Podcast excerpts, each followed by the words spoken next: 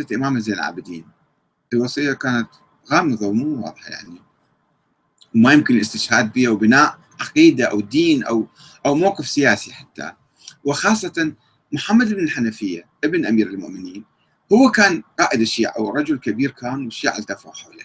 وحتى المختار باسمه قام بالثورة في الكوفة.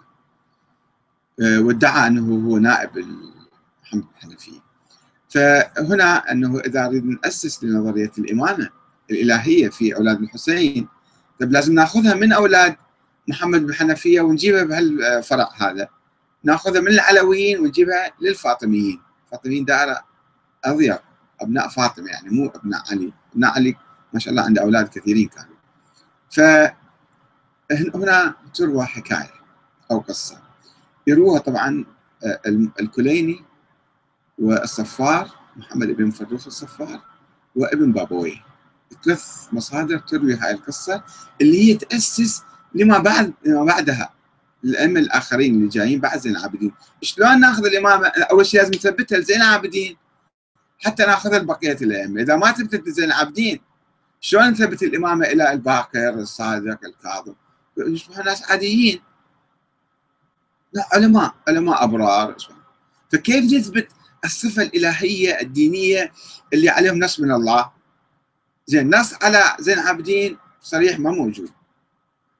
وصية صريحة بالإمامة حتى وصية عادية أيضا ما موجودة. طيب ماذا نفعل؟ هنا الأزمة الكبرى. هو أول لبنة من لبنات الإمامة هنا يعني. الحلقة الأضعف اللي إذا انفكت كل الإمامة راح تخرب يعني بالحقيقة. خلينا نشوف. طبعا معاجز عديدة يجيبون. أنا أجيب لكم معجزة آه، أهم معجزة أنا في معاجز مضحكة كذا حقيقة. أن في مرأة عجوزة من زمن النبي باقية زين العابدين. عندها حصواية جايبتها كل ساعة النبي طمق بها بالحصواية النبي طمق خاتمة بالحصواية وجا الإمام علي والحسن والحسين زين العابدين يومي جابتها آه إلى فد إمام قلت تعال أطمق بهاي الحصواية وطمقت تبين. حصوة حصوة ما يمكن يعني مش مرنة يعني. فالمهم هذه قصص يعني معاجز مضحكة بس نجي على هاي الأهم قصة.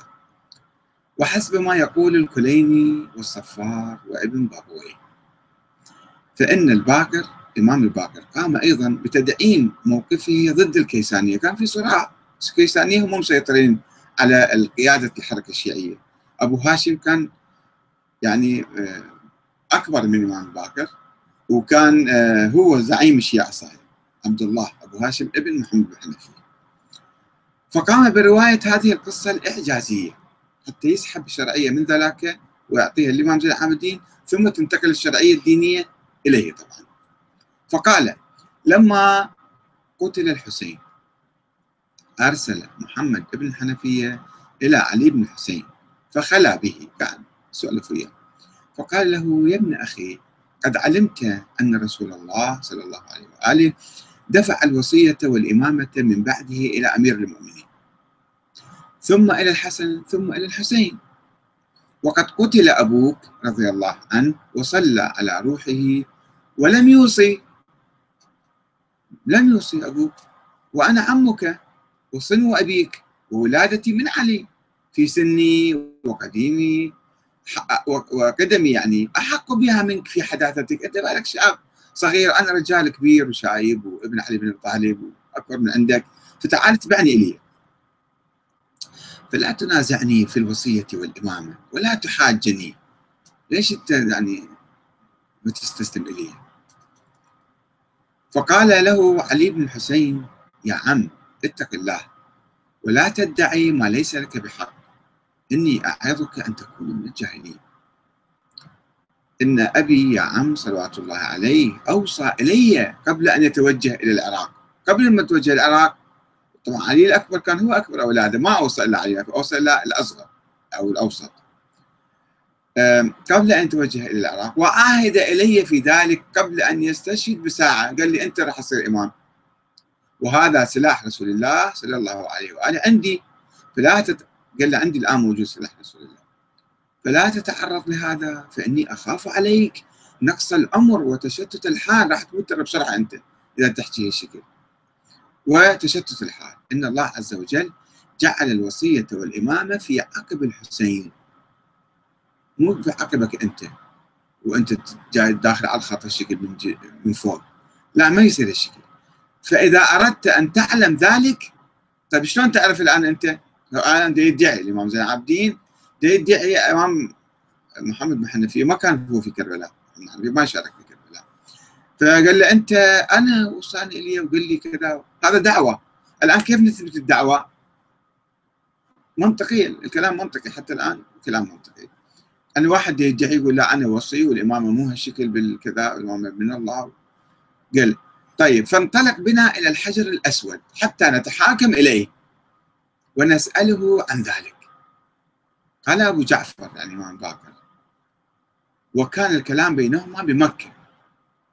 فانطلقا حتى أتيا الحجر الأسود. فقال علي بن حسين لمحمد بن حنفية ابدأ أنت فابتهل إلى الله عز وجل وسله أن ينطق ذاك الحجر ثم سل. اسأل عن أي شيء تريد. خلي ذاك يحكي وياك.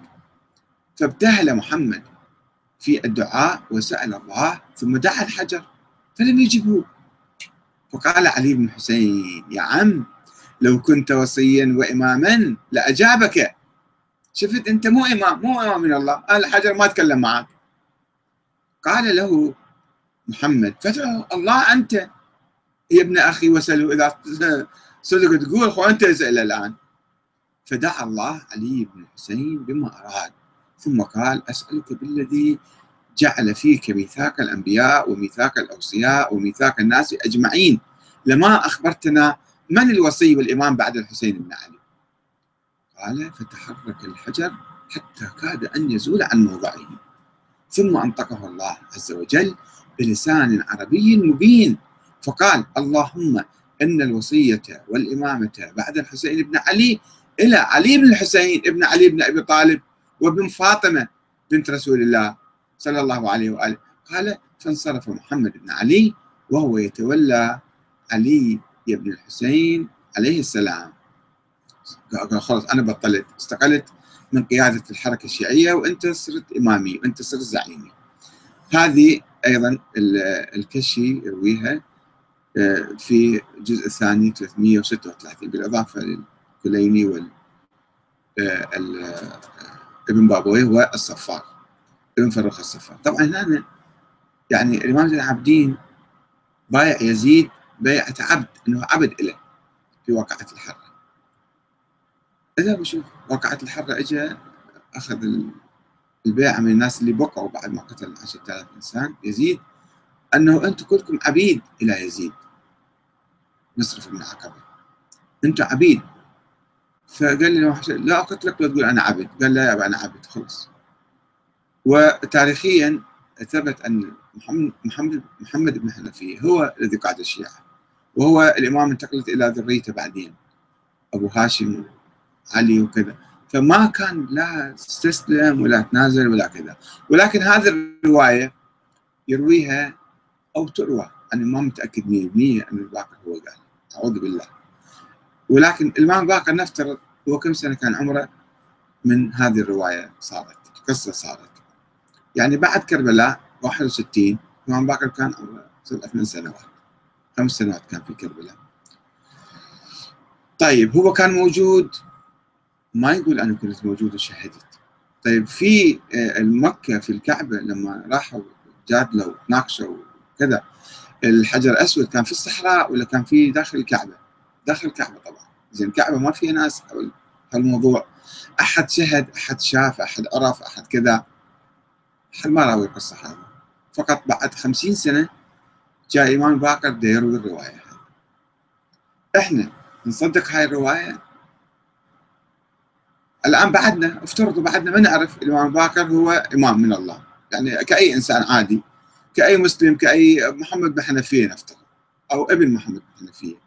يجي يقول له يا محمد بن علي الباقر أنا ما أعترف فيك أنت إمام معصوم وكذا وعندك علم من الله وعندك كذا. أنت إنسان عادي. اثبت لي أنت عندك شيء من الله وعندك أنت نبوة وعندك نصف نصف نبوة أو عندك شيء من القبيل. قاعد تقول أنه هاي القصة حدثت. شنو شاهد عليها؟ منو شافها؟ منو رواها؟ وبعدين أنت قاعد تجيب قصة تستفيد من عندها. يعني أنت إذا ثبتت الامامه زين العابدين بعدين راح تثبتها لنفسك راح تستفيد. فلو رحت للمحكمة الآن القاضي شو يقول لك؟ القاضي يقول لك أنت يعني قاعد تستفيد من هذه القصة. قاعد تروي أنت يمكن مختلقها. أعطيني دليل على حدوثها.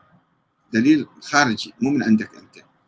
جيب لي شهود من ناس من برا منهم من اللي شافوا القصة وسمعوا من زين العابدين وقاعد أنت تقول كلام يعني هذا حسب القانون الإسلامي ما يمكن واحد يدعي آه، يعني أرض قطعة أرض ما يقدر يقول هاي مالتي أو ثوب ما يقدر يقول هذا مالتي. الإمام أمير المؤمنين تذكرون القصة مالته؟ لما الدرع مال سرق واحد. ذمي سرق درعه وكان داخل المسجد لما خرج شاف الدرع ما هو لقاه بعدين بالسوق واحد يبيع قال هذا درع مالتي؟ قال لا أنا ورثته من أبي. قال لا مش يروح القاضي. راح ليش يروح القاضي. دائما شوف القانون الإسلامي هو أكو لإثبات أي شيء هناك قوانين. الإمام علي ذهب إلى القاضي قال له شنو قصتك؟ قال له هذا درع مالتي ولقيتها عند هذا الرجال. هي بيدي فأنا مالكها. وأنا ورثتها عن أبي. القاضي سأل الإمام أمير المؤمنين وهو خليفة المسلمين. قال له عندك شهود عن هاي الدرع مالتك؟ قال لا ما عندي. قال له قوم اطلع برا. خلاص. قال ما ما ما أنت ما عندك يعني آه، قانونيا ما لك حق تأخذ هذا الدرع من هذا الإنسان. لذلك الذمي يتعجب جدا. وقال هاي شنو الحكم هذا؟ أمير المؤمنين. وأنا سارق من عنده درع والقاضي يحكم لي مو إله. أشهد أن لا إله إلا الله وأنا محمد رسول هذا عدل الإمام علي. هذا قانون الإسلام هكذا وقانون الأرض أيضا. أنت ما يمكن تثبت شيء بدعوة تدعي. حتى لو كنت أمير المؤمنين أنت ما لك ما تتمكن بالدعوة تثبت شيء. طب هذه القصة الآن هي دعوة. دعوة وشنو؟ بالإمامة العظمى بالإمامة الدينية شيء كبير جدا يعني. أكبر من درع وأكبر من أرض وأكبر من أشياء كثيرة.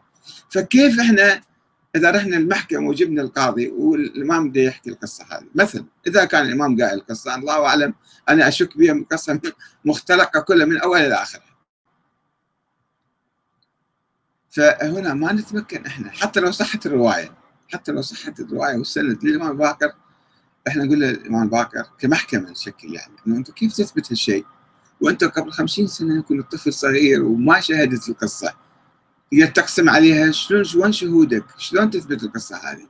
فالمهم فالآن وطبعا هي قصة عجيبة غريبة الحجر الأسود وإلا النبي محمد لو كان يكلم الحجر الأسود والحجر الأسود يكلم كان كل قريش صاروا مسلمين في أول يوم واحد وش قد طلبوا من النبي يجيب لهم معاجز ما جاب لهم معاجز وهو في مكة.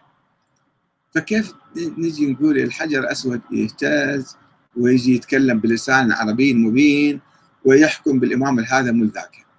قصة أسطورية واضحة يعني. أسطورية ويسموها معجزة.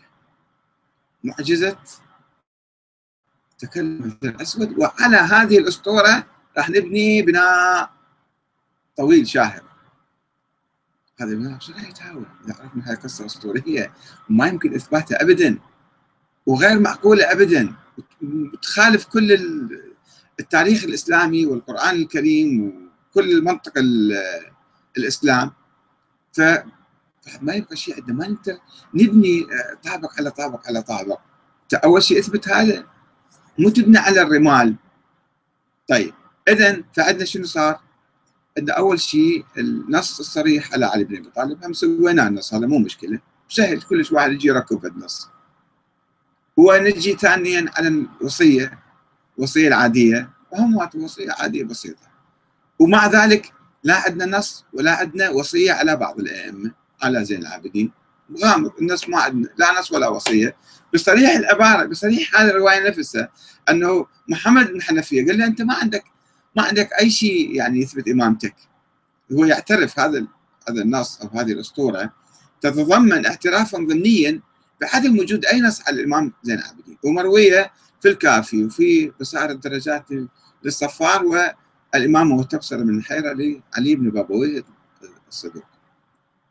والكشي أيضا يروى طيب فاذا يعني هي فيها اعتراف ضمني هذا إنه ما في نصوص ولا وصايا. فالمرحلة الثالثة المعاجز. والمعاجز يعني فعلا أساطير. أساطير 100% ما في أي معجزة. الائمه لم يقوموا بأي معجزة. فنجي على الشيء الرابع.